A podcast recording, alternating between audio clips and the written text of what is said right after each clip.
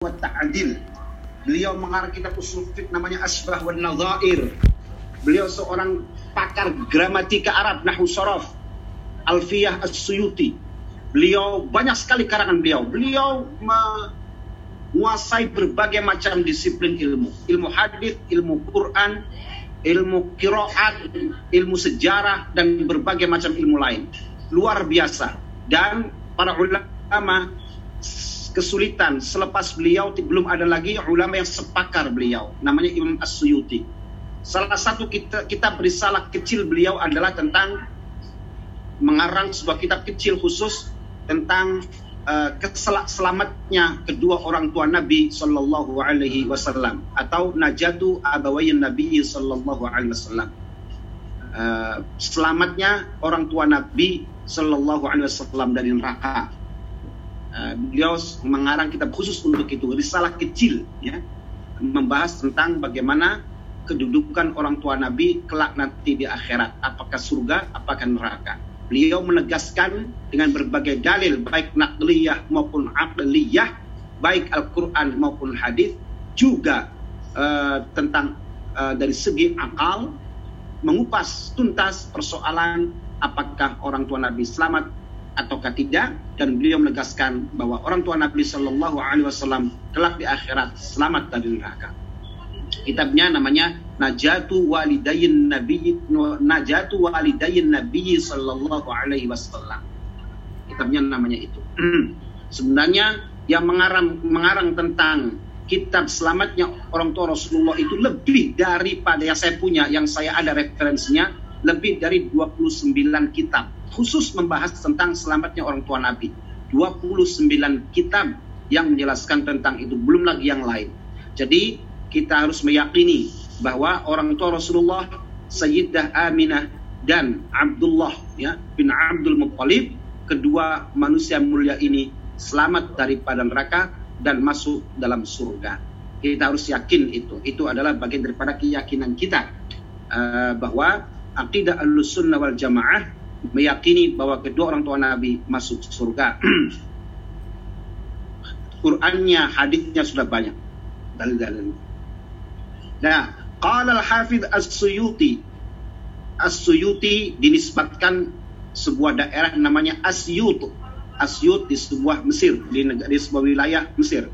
Al-Hafidh As-Suyuti fi Syarh Sudur dalam kitab Syarh Sudur mana suhu. Bagaimana teksnya? Teksnya begini dalam babu qiraatil Qur'ani lil mayyiti au 'alal qabri.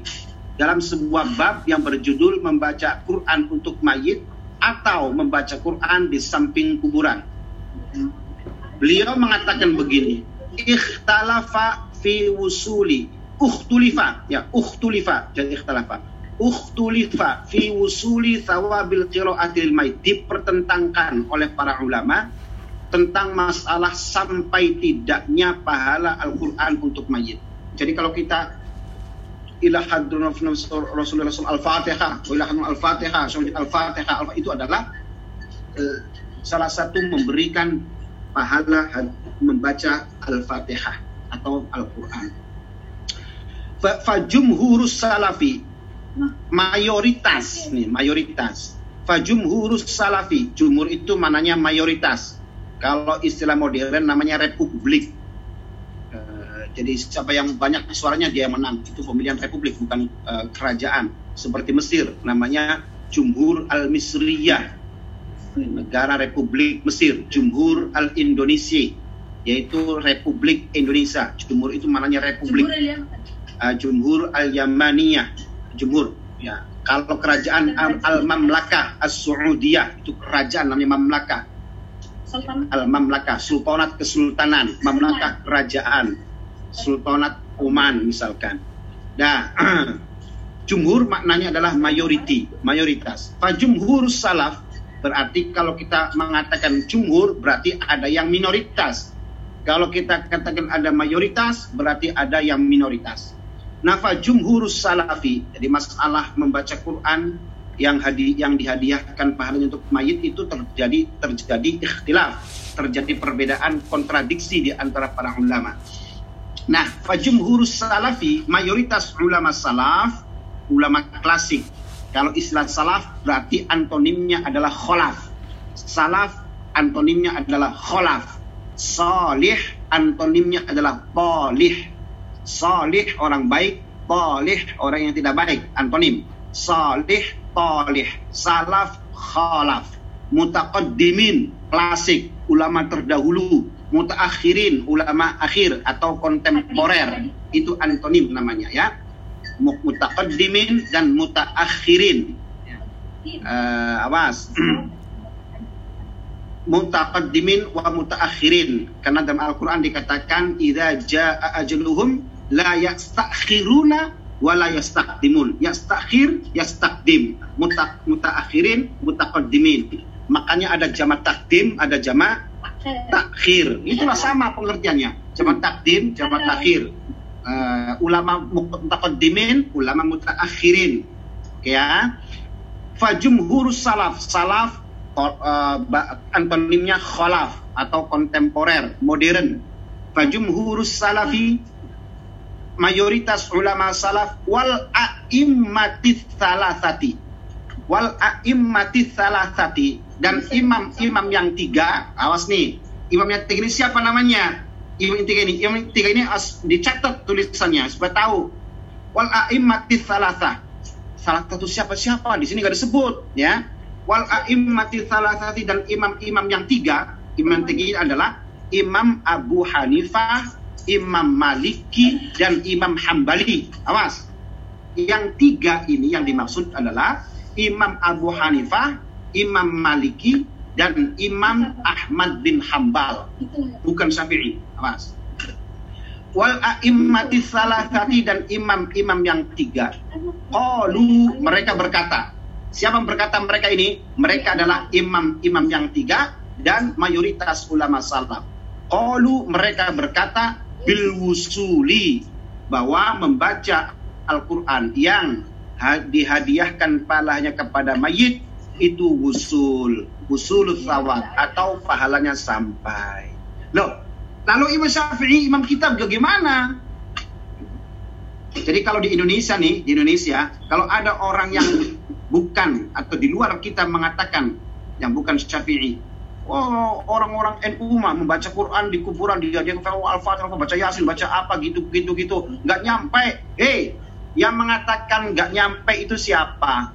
Justru yang mengatakan sampai imam kalian, Imam Ahmad bin Hambal, Imam Abu Hanifah, Imam, Imam, Imam Maliki, semua nyampai. Lah Imam Syafi'i itu, Imam Syafi'i ada perkataan Imam Syafi'i yang muhtamil, yang mengandung dua pengertian dalam kalangan Syafi'iyah. Awas nih, perkataan Imam Syafi'i yang mengatakan bahwa tidak sampai Pak membaca Quran di kuburan, ya, itu ada dua pengertian, muhtamil. Teks Imam Syafi'i dimaknai ada dua makna, dua pengertian dalam madhab Syafi'i. Jadi gini, kalau kalau Imam Syafi'i mengatakan sesuatu, maka yang harus kita ambil pengertiannya, pemahamannya adalah melihat bagaimana ulama-ulama Syafi'iyah menjelaskan tentang itu, bukan ulama lain. Karena pasti akan berbeda pandangannya. Contoh misalkan Ustadz Firanda mengarang sebuah buku tentang uh, Imam Syafi'i, ya tentang Imam Syafi'i.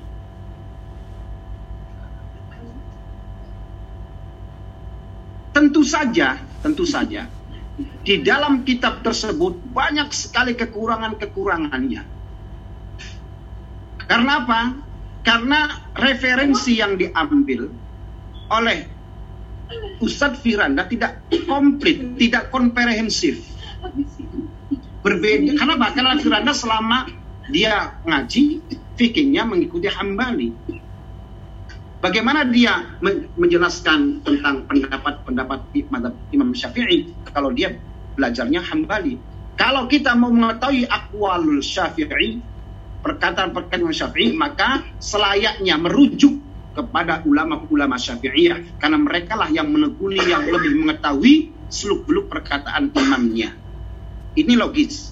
Ya, logis. Masuk akal makul karena yang berkecimpung dalam uh, kitab-kitab syafi'iyah ya ulama-ulama syafi'iyah bukan di luar itu. Nah, Qalu bil wustuli. Sekarang wa khalafa dzalika imamuna asy-Syafi'i. Berbeda ya, dengan pendapat tiga madhab dan jumhur salaf Imam Syafi'i. Berbeda kenapa? Mustadillan yang mengambil dalil biqaulihi ta'ala dengan firman Allah ta'ala wa allaysa lil insani illa ma sa'a. Awas. Imam Syafi'i katanya, katanya, nih ada yang mereka tidak sampai nih yang menjadi perdebatan di kalangan Syafi'iyah. Imam Syafi'i berdalil dengan sebuah ayat Al-Quran bahwa wa an laisa lil insani illa masa'a. Seseorang tidak mendapatkan apa-apa kecuali yang sudah ia lakukan pada waktu di dunianya. Nah, summa aqarra liqaulihi rahimahullah, tetapi di dalam pernyataan beliau yang lain wa ammal qiraatu masih masih Imam Suyuti yang mengatakan nih wa ammal qiraatu karena menarik kesimpulan dari perkataan Imam Syafi'i melalui para ulama-ulama Syafi'iyah. Wa ammal qiraatu 'ala al-qabri sedangkan membaca Al-Qur'an di samping kuburan fajazama bimus bimasru'iyatiha ashabuna wa ghairuhum. Perkani Musyuti bahwa membaca Quran di samping kuburan telah ditetapkan legalitasnya oleh para ulama Syafi'i dan lainnya. Ashabina itu adalah ulama-ulama Syafi'iyah. Wa ghairuhum adalah selain Syafi'i. Harus paham ini bimasru'iyati ashabuna wa ghairuhum. Ghairuhum itu isinya adalah selain Syafi'iyah, selain ashabuna, selain madhab Syafi'i. Membaca Quran di samping kuburan itu telah ditetapkan legalitasnya. Masyru' itu legalitas, bahasa bahasa kerennya. Masyru' itu disyariatkannya, diperbolehkannya, legalitasnya, perizinannya, nah, gitulah. Pokoknya telah ditetapkan legalitasnya oleh para ulama-ulama kita ashabuna syafi'iyah maksudnya wa ghairuhum dan selain syafi'iyah jadi legalitas ya, pembolehan membaca Al-Quran di kuburan itu telah ditetapkan oleh tiga madhab dan juga madhab syafi'i. Ya, clear. Ya. Qala Za'farani Imam Az-Zafarani mengatakan begini. Az-Zafarani adalah salah satu murid Imam Syafi'i rahimahullah yang diikut mengimla atau diimla di men, apa didikte men, menulis uh, ajaran atau ulangan pengajian Imam Syafi'i karena dia muridnya. Az-Zafarani ini langsung banyak sih muridnya Az-Zafarani uh, Imam uh, apalagi itu uh, Ar-Rafi uh, Imam Zafaroni kemudian Imam Al-Buti ada lagi kemudian muridnya nih yang langsung uh, menulis. Imam Syafi'i mulang ditulis dikte. Nah Imam Zafari mengatakan begini Sa'al tu Syafi'iyya aku bertanya kepada Imam Syafi'i rahimahullahu taala gurunya tentang anil qiraati indal qabri tentang membaca Al-Qur'an di kuburan Ya Syekh, kumaha ari maus Al-Quran di, di kuburan. Nah, Syekh Al-Syafi'i, Al-Imam Al-Syafi'i menjawab begini. Faqala la ba'sa biha. Ini tidak mengapa, no problemo. La ba'sa biha, no problem, tidak apa-apa. Tenau-naun etate. Nah, perkataan Imam Syafi'i ini sudah menjadi uh, dalil hujjah di kalangan Syafi'iyah bahwa Imam Syafi'i memperbolehkan membaca Al-Quran di kuburan. Membaca Al-Quran di kuburan. Jadi yang lain sudah jelas.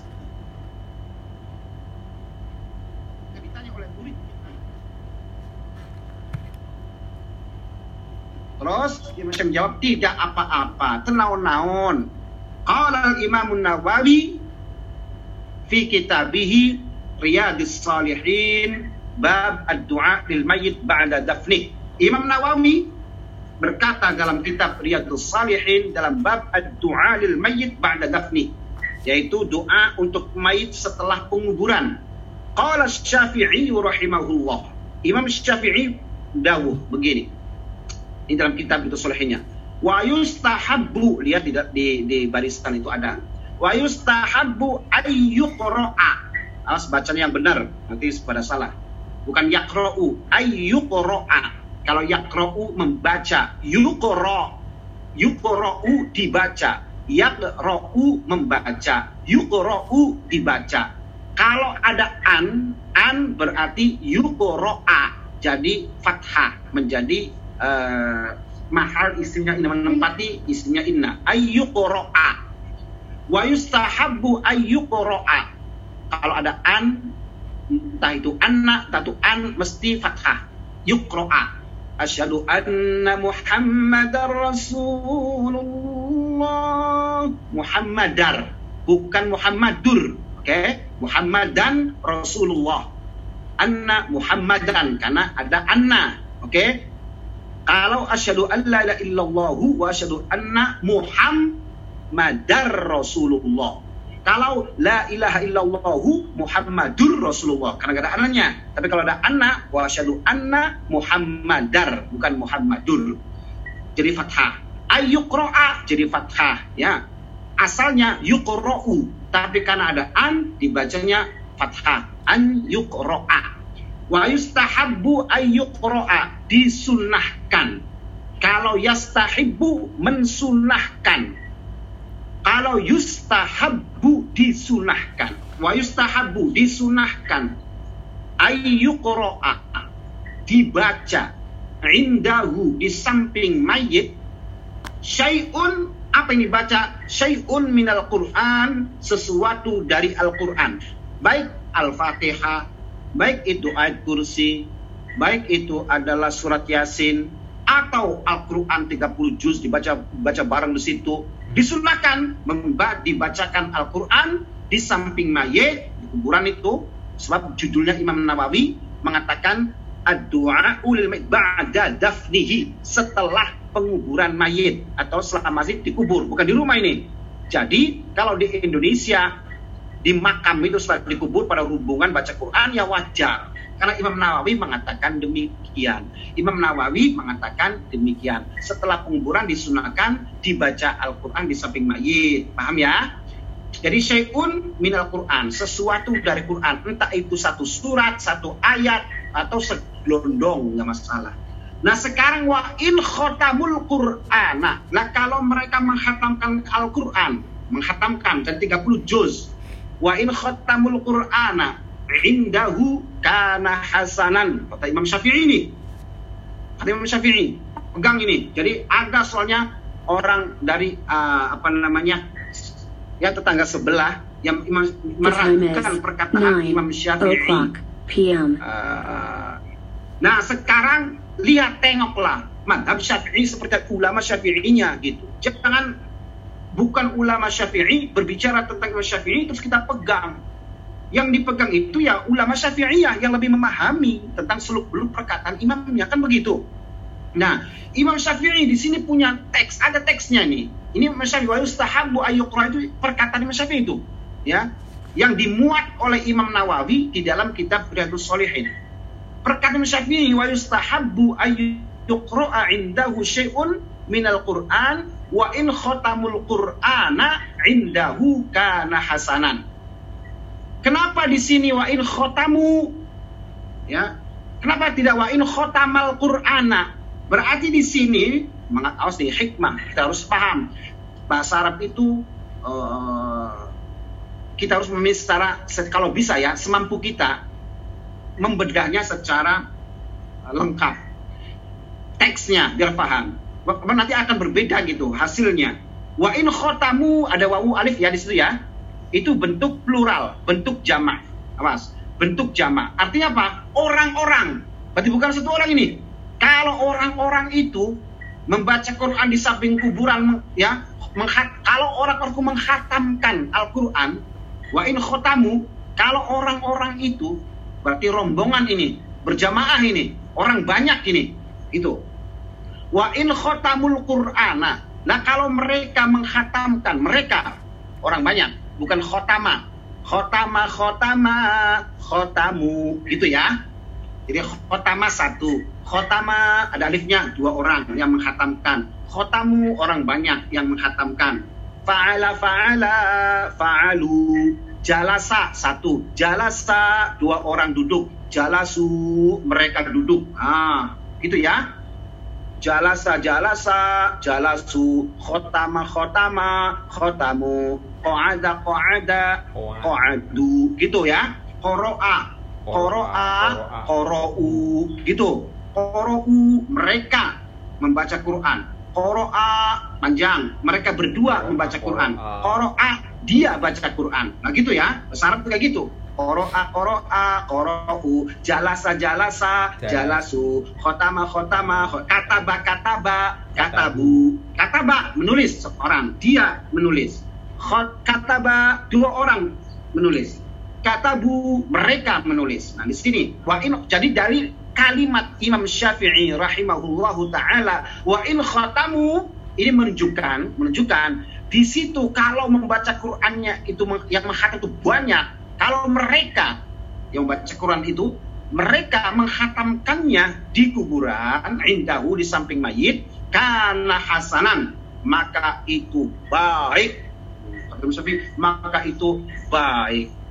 Lihat dalam kitab Al-Majmu' Lin Nawawi pada jilid 5 halaman 294 dan kitab Riyadus Solihin halaman 947. Lihat di belakangnya ada di bawah. Keterangan di catatan kaki. Nawawi menyebutnya ada di kitab Majmu' juga menyebut di dalam kitab Riyadus Solihin. Jadi di samping Riyadus Solihin juga di beliau tulis dalam karangan beliau Al-Majmu' Syarhul Muhadzab pada jilid 5 halaman 294. Karena kitab Majmu' Lin Nawawi ini yang saya punya uh, cetakan Darul Kutub Al-Ilmiyah Beirut ada 27 jilid. Kitab Al-Majmu' 27 jilid karangan Imam Nawawi. Uh, beliau mencantumkannya pada jilid 5 halaman 294 tentang perkataan Imam Syafi'i tadi. Imam Nawawi meninggal pada usia 45. Imam Syafi'i wafat pada uh, uh, pada usia 54 tahun. Beda 10 tahun ya. Imam Syafi'i wafat 54 tahun pada tahun 204 Hijriah, lahir tahun 150 Hijriah. Imam Nawawi, Imam Nawawi uh, meninggal atau wafat pada usia yang sangat muda, 45, saya 44 tahun. Setahun lagi saya mengikuti Imam Nawawi kalau 45 gitu. Tapi Imam Nawawi sudah mengarang kitab satu kitab saja Majmu' 27 jilid. Insya Allah. Belum lagi kitab Raudatul Talibin itu 20 eh, 15 jilid. Minhajut Talibin, Raudatul Talibin. Nah itu ada Raudah, ada Minhaj. Kemudian Imam uh, Al-Minhaj Syarh Nawawi lil Muslim, Imam Muslim Eh, kitab Sahih Muslim disarahi Imam Nawawi dengan namanya Al-Minhaj uh, Lin Nawawi 6 jilid, eh 10 jilid. Imam Nawawi mengarang kitab syarah mensyarahi kitab Sahih Muslim. Imam Nawawi mengarang kitab At-Tahdhib wa Tadhib. Imam Nawawi mengarang kitab Al-Arba'in Nawawiyah. Imam Nawawi mengarang Al-Adhkur Nawawiyah. Imam Nawawi mengarang Salihin. Imam Nawawi as banyak sekali karangan Imam Nawawi. Nah, umurnya 45 tahun tapi meninggalkan turas peninggalan-peninggalan berupa kutub, kitab-kitab agama yang uh, dimanfaatkan oleh kaum muslimin di seluruh dunia. Masya Allah, barokah, barokah terus mengalir pahalanya walaupun beliau sudah tiada. Ya Allah, sampean atau saya nih 44 tahun belum satu satu acan yang uh, yang disiapkan untuk kira-kira amal sebuah buku ya buku Pak Sugeng sudah tuh bermanfaat dibaca dan manfaatnya masya Allah kalau bermanfaat ya apalagi masalah-masalah agama, aduh diamalkan, dimengerti, dipahami luar biasa. Terus Wa in khatamul Qur'ana indahu kana hasanan. Dah titik. Wa qala an-Nawawi rahimahullahu taala fi syarhil muhadzab itu majmu' namanya. Syarh muhadzab itu majmu' ya. Imam Nawawi dawu dalam kitab Syarhul Muhadzab. Nama kitabnya apa?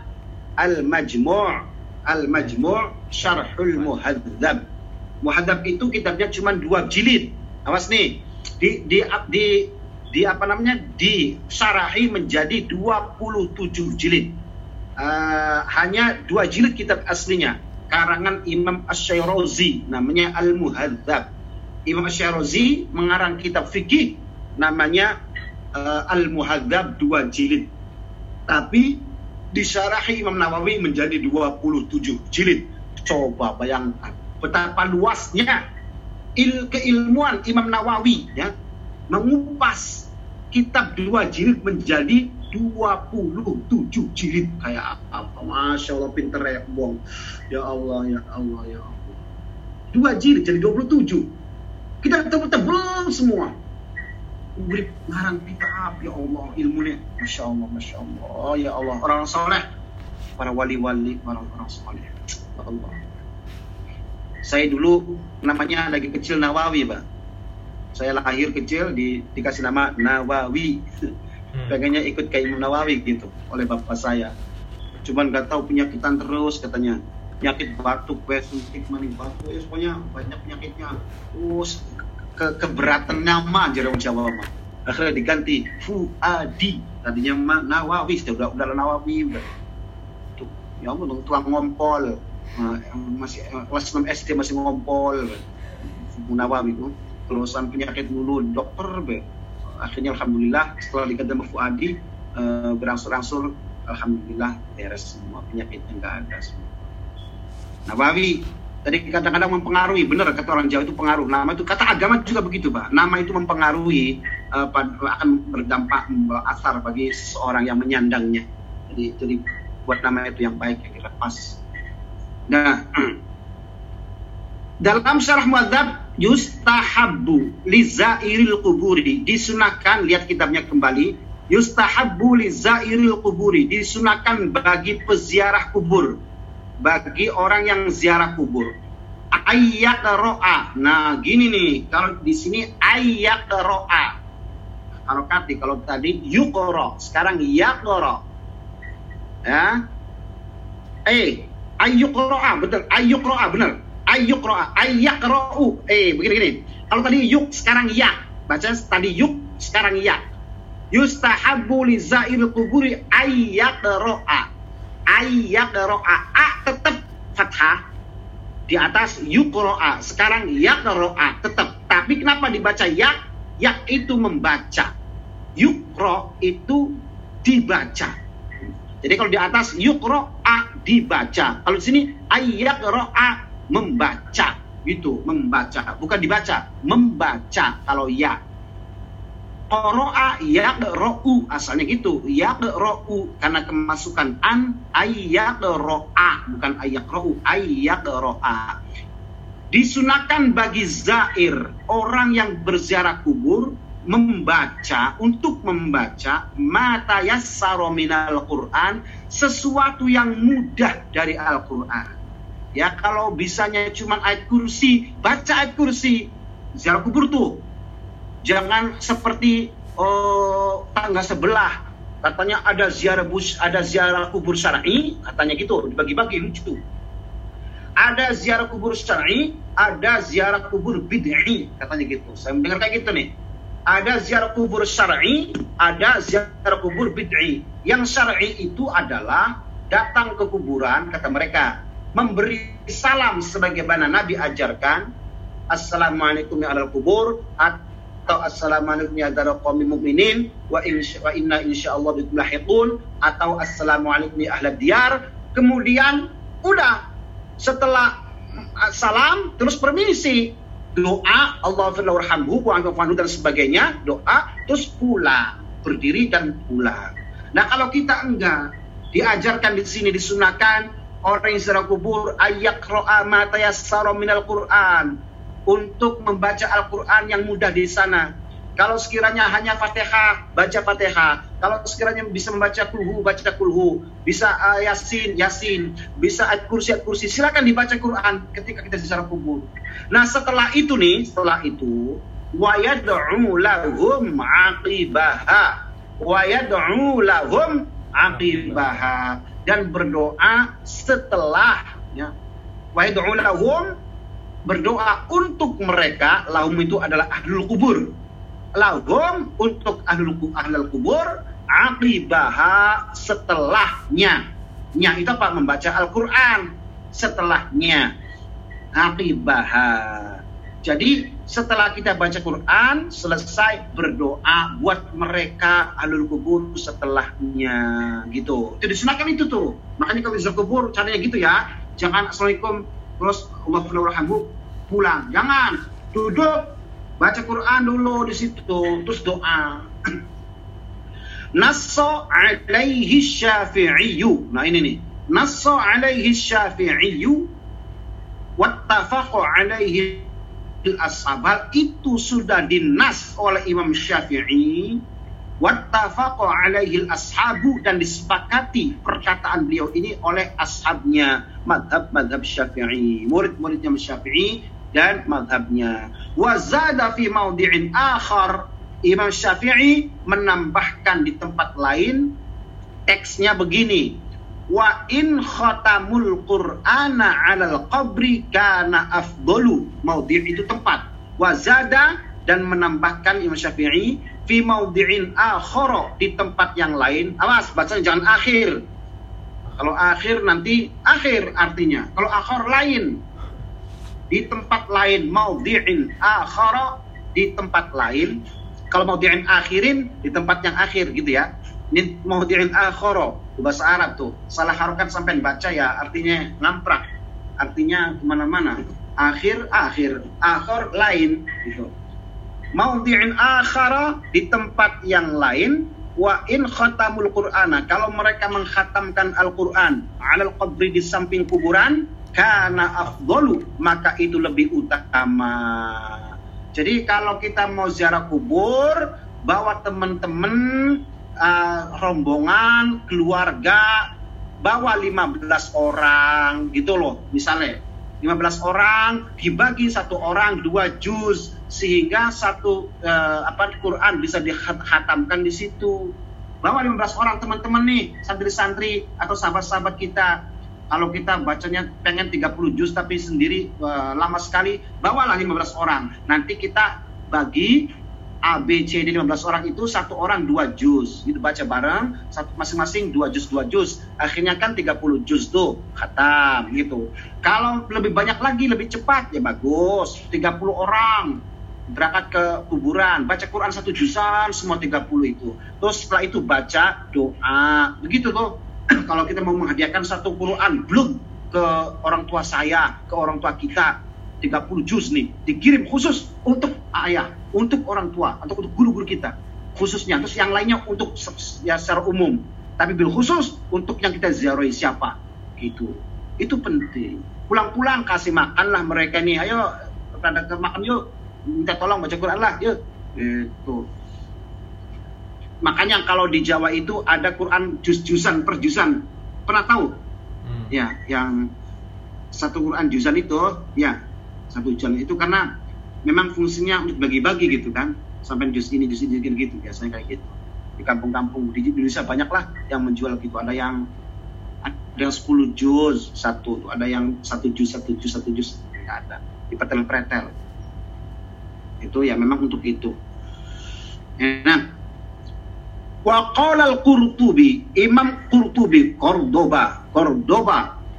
Ini hidup di zaman ini seorang mufassir, ahli tafsir terkenal Imam Al-Qurtubi, ahli hadis, ahli usul. Ini dari Cordoba. Uh, Cordoba itu mana? Spain. Ya, Spain. Spain. Spain. Spain. Bukan Spanyol, separuh nyolong kata. Nah, Imam Qurtubi Al-Qurtubi. Jadi kalau kita nulis Cordoba, tulisannya kayak gitu tuh Pak. Kofro to Cordoba, Cordoba kan Spanyol kan di Cordoba. Tulisan Arabnya kayak gini, Kurtuba. Tuh begini tuh, kur pakai to. Wa al-Qurtubi, Al-Imam Al-Qurtubi atau Imam Cordoba karena beliau terkenal dengan Imam Qurtubinya. Wa qadistadalla ba'du ulama'ina wa qadistadalla ba'du ulama'ina telah mengambil dalil. Awas nih, istadalla itu mengambil dalil. Uh, istadalla. Jadi tulati mujarrad. Istadalla. Pengambilan dalil, mengambil dalil. Ba'du ina sebagian ulama kami. Ala qiraatil Qur'ani. Tentang pembolehan membaca Al-Qur'an. Alal qabri di samping kuburan. Di hadis al-asib war rutab yaitu hadis al-asib war rutab alladhi. Al-asib itu adalah pelepah kurma. Di mana ini? Supaya tahu bahasa susah ini. Al-asib pelepah kurma yang sudah hilang daunnya. Al-asib ini. Warutabi dan pelepah kurma secara umum yang orang mengatakan adalah yang ada yang mengatakan rutab ini yang basah. Masih basah. Kalau al-asib lebih tertentu spesifik pelepah kurma yang sudah hilang daunnya. Al-asib ar-rutab adalah kurma pelepah kurma yang basah. Hadis hasib dan rutab alladhi syaqqahu nabiyyu sallallahu alaihi wasallam bithnaini di mana nabi syaqqa syaqqa itu membelah. Syaqqahun nabiyyu di mana nabi membelahnya bithnaini menjadi dua uh, mengklek pongklek. Orang di pongklek pongklek. Ngerti pongklek? Bukan membelah menyigar. Yang menyigar itu bukan menyigar di tengah-tengah ini mas ini. Tapi menyigar itu mematahkan. Bukan membelah di tengahnya bukan. Tapi mem, mem, apa sih? Memongklek. Sampai disebut klek ya, mematahkan. Hmm. bukan tetot dibelah bukan. Klek namanya syakko ah yang dimaksud itu adalah mem mem mematahkannya. Dan Nabi mematahkan jadi dua. Tancepin bisna ini dua bagian humma ghorosa. Kemudian Nabi menancapkannya. Alal ala qabrin nisfan wa ala qabrin nisfan. Satu ya di sampingnya satu di samping sini. Wa ala qabri nisfan separuh nisf itu separuh pak setengahnya di sini setengahnya di sini jadi bagi dua satunya di sini satunya di sini makanya bahasanya nisf itu separuh kalau kita bilang nisful lail tengah malam nisf itu tengah nisfu Sya'ban, tengah-tengah bulan Sya'ban. Yang dimaksud adalah tanggal 15 Sya'ban. Nisfu Sya'ban. Arti nisfu itu pertengahan. Nisful lail, pertengahan malam, separuhnya malam. Nah, di sini Kanjeng Nabi uh, di bahasanya thumma ghorosa bukan Kanjeng Nabi Imam Qurtubi.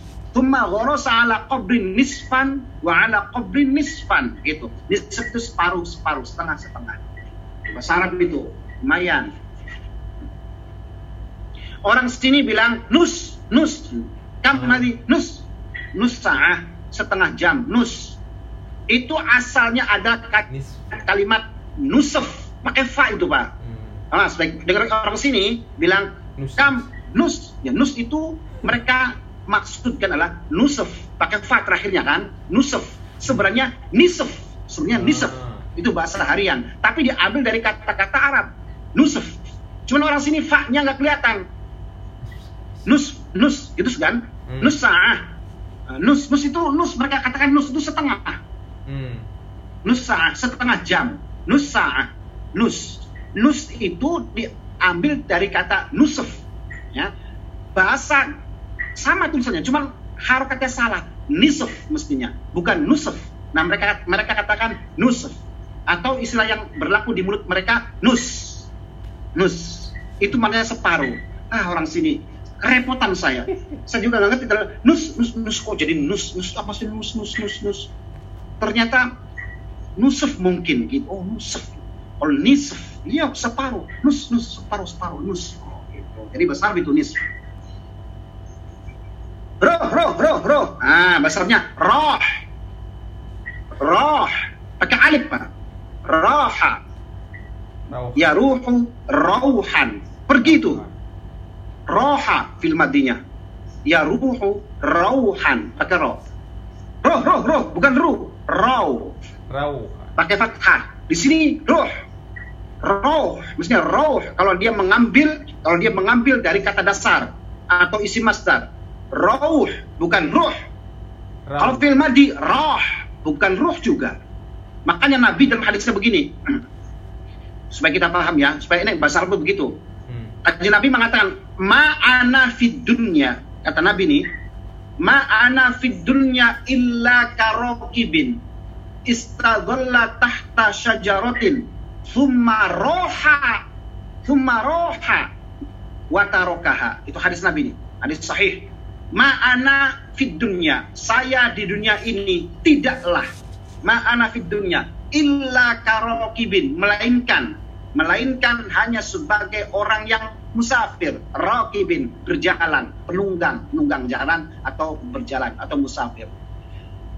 Saya atau ma'ana saya ini di dunia hanya sebagai musafir saja kata Nabi. Istadalla tahta syajaratin mengambil. Istadalla tahta Adin di bawah pohon sebagai tempat bernaung dunia ini nih Thumma roha roha nih. Kemudian pergi roha. Orang sini roh roh roh. Thumma roha watarokaha kemudian pergi watarokaha dan meninggalkannya. Nah, ya anda dapat sedikit. Roh roh nyapa blur blur. Sedikit sedikit. Roh. Maaf, roha. Mafi muskil hei maafi miskin ma fihi muskilah. Ma fihi fihnya hanya hilang ma fi muskil. Ma fi muskil. Seharusnya ma fihi muskilah. Nah nggak apa-apa ma fi muskil. Ma yang paling bagus adalah la baksa no kayak di sini nih ini, ini bahasa terbaik nih la tadi bahasa Imam di atas ya. Mana tadi? Imam Imam Imam, la Imam Nawawi. La baksa biha gitu. La baksa nah itulah baksa mana tadi? Ya la baksa kata la baksa itu ter, bahasa bagus itu. Faqala la baksa biha. La baksa itu bahasa mus, bahasa eh, apa namanya eh, bahasa Arab fusha. Kalau kita tanya nggak apa-apa la baks la baks wah kalau kita bilang itu la baks wow, good good. Kan kita umumnya kan gimana? Maafi. Mafi muskil, mafi muskil, ya gitu lah. Itu umum, umum ya. Mafi muskilah, mafi muskilah. Oke, yang bagus itu la La- la ba'sa. Nah, di sini ada orang Arab, jendela dibuka, iftah uh, dari maftuh, dari maftuh, dari maftuh. Itu bahasa Arab harian. Bahasa Arab aslinya nafidah. Nafidah itu jendela. Kalau bahasa sininya dari Kalau bahasa Arab aslinya adalah nafidah. Gitu ya, nafidah. Jendela, window. Bahasa bahasa Indramayunya the window. Bahasa Indramayu, window. Oke. Bahasa Indramayu. Hmm. Lanjut. Mana tadi? Thumma ghurasa ala qabrin nisfan wa ala qabrin nisfan wa qala. Nah, dan Nabi bersabda, Nabi Dawud. Nabi setelah menancapkan dua pelepah tadi, kurma tadi, Nabi bersabda begini, la'allahu yukhaffafu anhuma la'allahu yukhaffafu anhuma. Awas nih. Kalau karena nggak ada an ya, sama-sama film mudhari nih. Mas yukhaffafa. Di sini yukhaffafu dikembalikan ke asalnya karena tidak ada an. Ya. Kalau yukro yukroa di sana karena ada an an yukroa. Kalau di sini yukhaffafa. Nah, kalau di sini tidak ada annya yukhaffafu dikembalikan kepada asalnya. Khaffa, khuffifa yukhaffafu. Yukhaffafu diringankan anhuma dari kedua mayat itu malam yai bisa malam yai basa sepanjang belum mengering. Eh. Jadi kanjeng Nabi mengatakan semoga Allah meringankan siksa bagi kedua mayat tersebut itu. Sepanjang daun atau pelepah kurma itu daun pelepah atau pohon kurma itu sepanjang masih basah. Makanya disunahkan nih kita kalau di kuburan itu nanam ditanam kuburan kau tanah itu pepohonan ya. Dan selalu disiram dengan air karena dia itu bertasbih meminta ampunan kepada Allah untuk sin mayit. Subhanallah. Itu rahasianya itu. Makanya kenapa di kuburan itu banyak pohon-pohon apa itu? Yang di Indonesia pohon pohon di kuburan itu namanya. Kamboja. bukan anggrek. Kamboja, Kamboja. Kamboja, ya pohon Kamboja, itu tanam itu. Sekarang dibakir nggak ada tanam tanaman itu gimana? Ditanam Kita kalau meninggal minta ditanamin itu. Karena sepanjang dia itu masih basah akan terus bertasbih kepada Allah dan mayat itu diringankan sisanya. Jangan digundulin, dikasih apa tanaman di situ untuk ber, untuk uh, mayit manfaat si mayit. Manfaat mayit itu dapat manfaat dari dari pelepah kurma itu dan kurma itu dari uh, pohon kurma itu. Uh, lihat nomor tiga tuh di catatan kakinya akhrajahul Bukhari wa Muslimun. Hadis tentang la'allahu yukhaffafa anhuma ma lam yaibasa itu ada dalam kitab hadis dalam hadis Sahih Bukhari. Hadisnya nomor 218 Imam Muslim hadis nomor 1675 Imam Abu Dawud halaman 20 At-Tirmidzi 70 Imam An-Nasai 31 Ibnu Majah 347 Ahmad bin Hambal pada jilid 1 halaman 225 Ibnu Abi Syaibah pada jilid 3 375 Imam Baihaqi dalam kitab As-Sunan pada jilid 1 104 as Imam Imam Al-Baihaqi ini kitabnya banyak sekali karangannya. Wah, semua semua ulama ini yang disebutkan hadis ini banyak kitab-kitab yang dikarang. Bukan hanya itu saja. Jadi kalau kita mau menuju apa melihat referensinya di sini disebutkan Imam Al-Bayhaqi dalam kitab Sunan pada jilid 1 halaman 104 Ibnu Majah, Ibnu Khuzaimah dalam kitab Sahih Ibnu Khuzaimah halaman 56 Imam Ad-Darimi Musnad Imam Ad-Darimi ini maksudnya kayak gitu Imam Ibnu Khuzaimah namanya uh, Sahih Ibnu Khuzaimah. Kemudian Ad-Darimi Musnad Imam Ad-Darimi pada 79. Terus Musnad Abd bin Humaid. Abd bin Humaid pada halaman 620. Jadi hadisnya itu sahih tentang uh, pelepah daun apa pohon kurma itu, pelepah kurma yang ditancapkan Rasulullah Shallallahu Alaihi Wasallam. Qala qala Imam Al-Qurtubi melanjutkan. Kalau tadi wa qala la'allahu nah, Wa qala qolanya di situ adalah kanjeng Nabi. Ya, isinya. Wa qala la'allahu yukhaffafu itu adalah Rasulullah. Kalau qala di sini kembali kepada Imam Al-Qurtubi. Apa tuh? Supaya sampean tahu. Ini kola kolanya siapa? Ini kolanya siapa? Kola, kola, kola. Kola ini banyak nih ada kolanya. Harus paham makanya apa uh, kalimatnya biar menjadi paham. Berarti kola ini kanjeng Nabi, kola ini adalah Imam Qurtubi. Oh, kayak gitu. Kalau tadi wa qala la'allahu itu adalah isinya Rasulullah. Kalau qala yustafadu, nah qala yang kedua ini Imam Al-Qurtubi kembali. Qala ay Al-Qurtubi yustafadu min hadha yustafadu min hadha gharsul asjari wa qiraatul Qur'an al-qubur. Ya. Diambil dari menanam pohon tadi, pelupa kurma tadi, ya, diambil faidah, diambil hikmah, diambil uh, apa namanya uh, hikmahnya adalah membaca Al-Quran di samping kuburan. Apa apa namanya korelasinya? Wa idza khuffifa anhum bil asjari fa kaifa bi qira'ati rajulil mu'mini al-Qur'ana. Ya, bacaannya supaya benar Wa idza khuffifa anhum bil asjari fa kaifa bi qira'atir rajulil mu'mini al-Qur'ana. Jika saja, jika saja pelepah kurma yang ditanam itu mayit diringankan atau dilepaskan siksanya oleh Allah. Hanya karena sebab ditancapkannya pelepah itu Fakaifa biqiraatir rajul mukmin Al-Qur'an. Pelepah kurma saja bermanfaat untuk mayit. Lebih-lebih bacaan Qur'annya seorang mukmin untuk si mayit. Paham gak?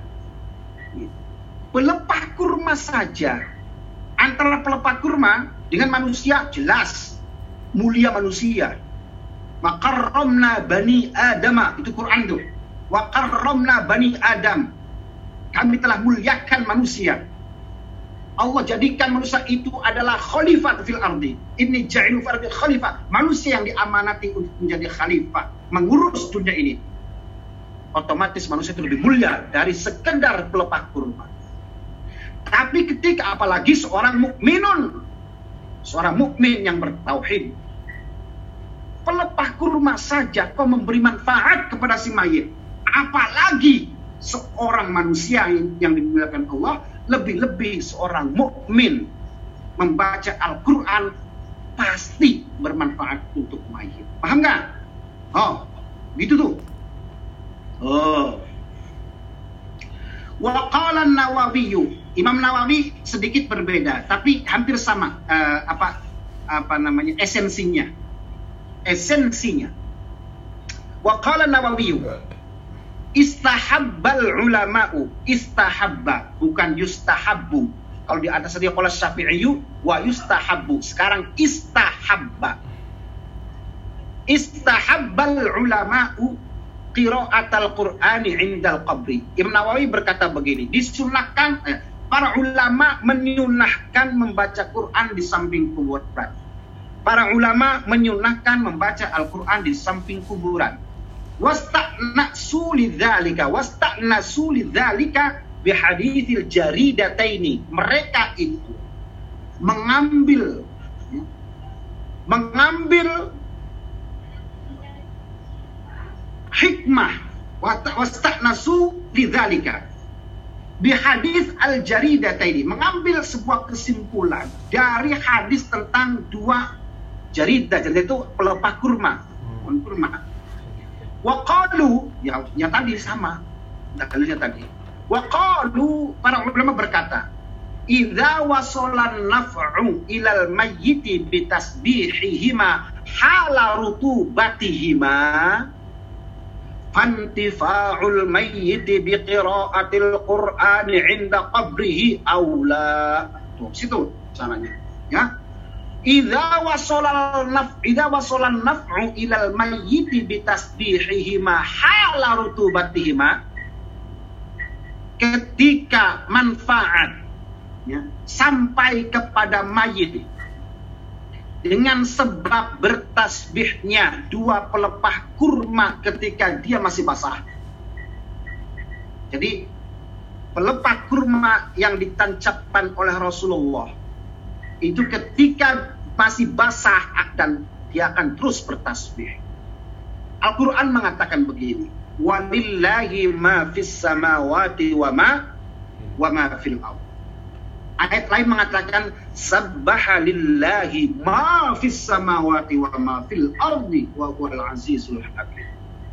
Ayat lain yusabbihu lillahi ma fis samawati wa ma fil ardi al malikil quddusil azizil hakim.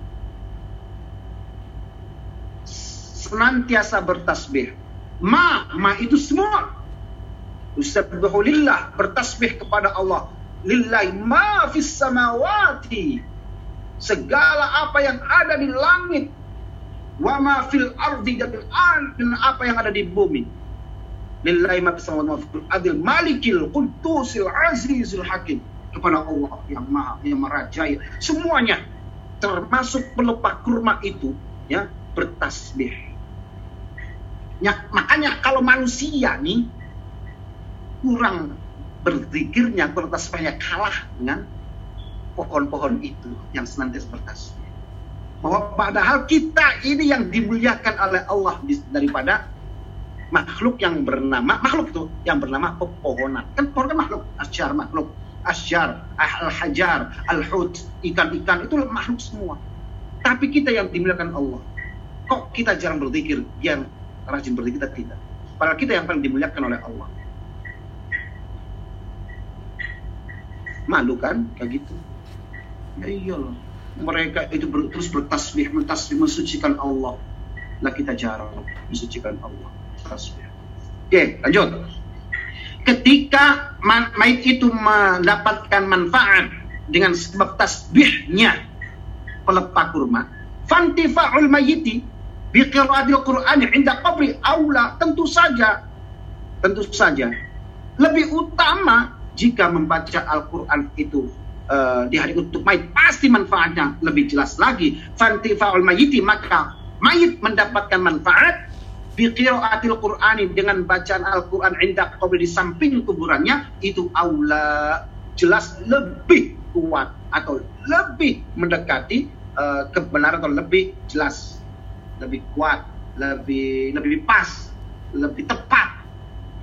Lebih tepat lebih jelas lebih kuat ya gitu aula lebih utama jelas lebih utama lah. Kan? Gitu.